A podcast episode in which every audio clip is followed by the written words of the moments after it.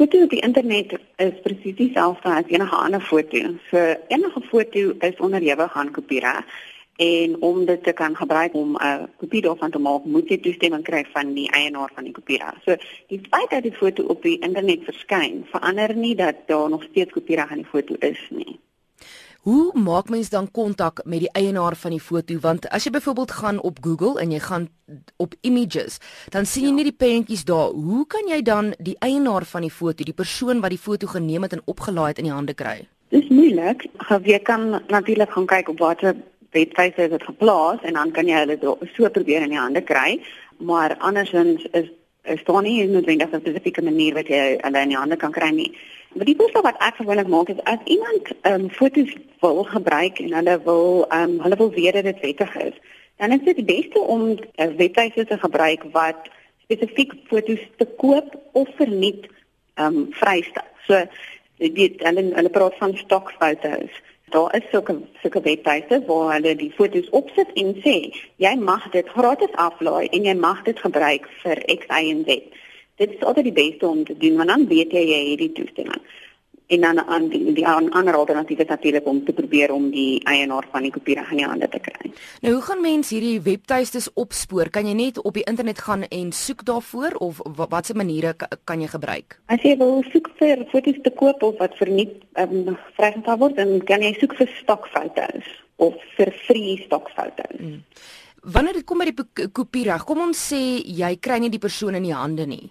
Ja. Is dit dan heeltemal uit? Kan jy dan glad nie van daai foto gebruik maak nie of omdat jy wel 'n uh, 'n poging aangewend het en jy het rekord daarvan, kan jy dit dan gebruik? Nee, nee. In terme van die wet kan jy dit nie gebruik nie. As jy as jy nie toestemming het nie, kan jy dit nie gebruik. So as jy as jy persoon dan uitvind dat jy dit gebruik het, dan kan hulle regstappe teen jou neem. Selfs al het jy nie geweet dit behoort aan iemand nie of jy het nie jy het probeer om hulle in die hande te kry jy het hulle nie in die hande gekry nie of jy het gedink dit behoort aan niemand nie of wat ook al die situasie is. Die feit dat jy onskuldig was en dat jy nie geweet het nie, maak nie dat jy dit mag gebruik nie en dan as hulle dan jou dit regte teen jou neem, kan hulle nog steeds 'n uh, tantieme eis vir dit wat jy gebruik het.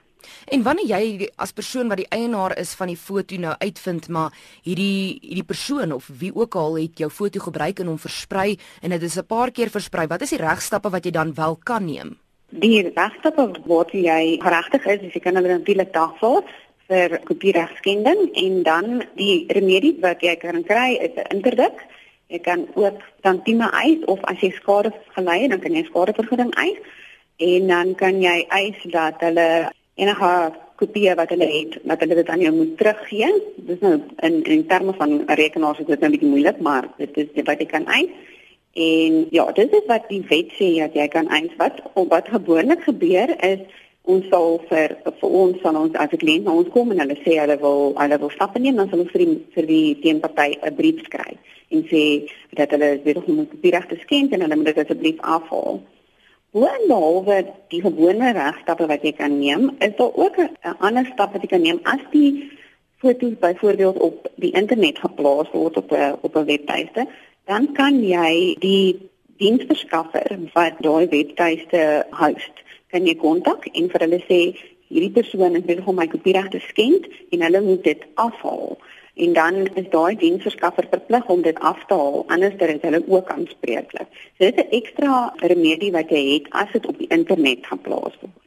Geld hierdie dan ook vir 'n sosiale platform soos Facebook, Twitter, Instagram? Dit um, dit geld daarvoor. Die beginsel is dieselfde. Die de, uh, enige foto's is onderhewig aan aan kopiereg. Die situasie mag verander word deur die voorwaardes word jy toestem. So mense moet gaan kyk na wat is die voorwaardes van Twitter en Instagram en Facebook. Daar is al in die verlede gevind dat byvoorbeeld Instagram se voorwaardes het gesê dat die foto's wat jy daar op publiseer mag gebruik word vir media doeleindes.